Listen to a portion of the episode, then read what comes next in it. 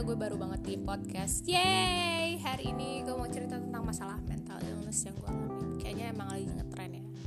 Gak ngetren juga sih sebenarnya kayaknya sih lebih karena awarenessnya udah meningkat ya soal kesehatan mental.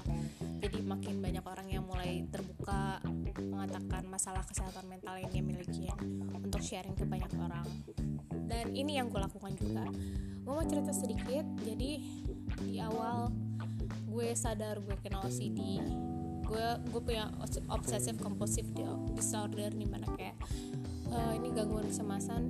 Jadi kalau lo nggak ngulang-ngulang kegiatan tertentu lo bakal diliputi rasa kecemasan yang berlebih. Misalnya gue waktu kecil gue tuh sering banget bolak-balik megang benda misalnya botol dan itu harus di angka ganjil.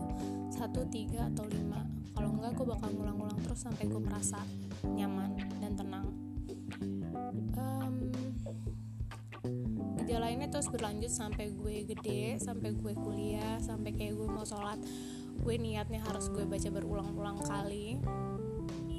Dan ini akhirnya makin parah setelah gue mengalami pengalaman traumatis di mana di rumah gue kemalingan dua kali. Yang bener-bener kayak selang sehari doang kemalingan lagi itu bikin gue panik sepanik-paniknya gue nangis nangis sengejer ngejernya di rumah gue orang-orang udah pada biasa aja maksudnya udah bisa move on dengan kejadian itu.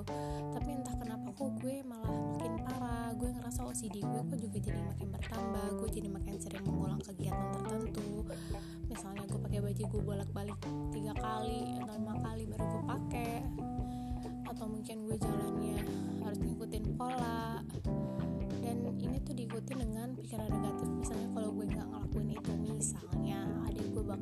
jatuh sakit atau mungkin uh, gue bakal mengalami kesialan lainnya lah. Dan ini akhirnya mendorong gue untuk pergi ke psikiater. Sebenarnya didorong sama sama mama gue sih. Jadi kayak disuruh udah ke psikiater aja so gue ke psikiater. Di sana gue cerita sampai di rumah sakit. Gue nangis bener-bener agak lama nangisnya karena gue ngerasa kayaknya kependam kali ya dari gue kecil cerita masalah itu lalu benar dokternya bilang itu OCD jadi emang gue sebelumnya udah browsing-browsing. Ini gejalanya kok mirip ya sama gue gue ngerasa gitu. Tapi kan gue nggak berani untuk self diagnosis ya. Jadi gue harus tanya ke ahlinya dong. Dan akhirnya pertanyaan gue itu terjawab dari si dokter. Gue udah mengalami pengobatan selama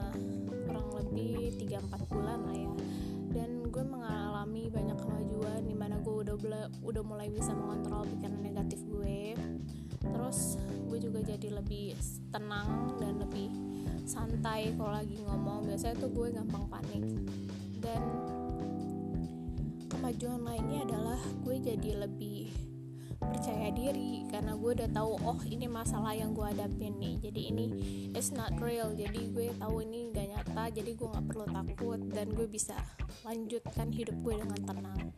Jadi saran-saran gue buat teman-teman yang mengalami atau merasa ada gangguan kesehatan mental jangan takut untuk pergi ke dokter atau mungkin ke psikolog kalau lo nyaman lebih psikolog ya nggak apa-apa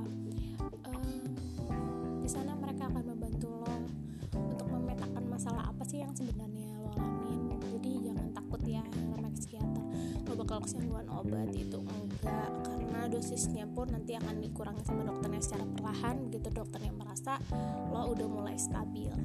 Dah gitu dulu cerita gue hari ini perkenalan gue hari ini. Semoga bisa mencerahkan banyak orang oke okay? have a nice day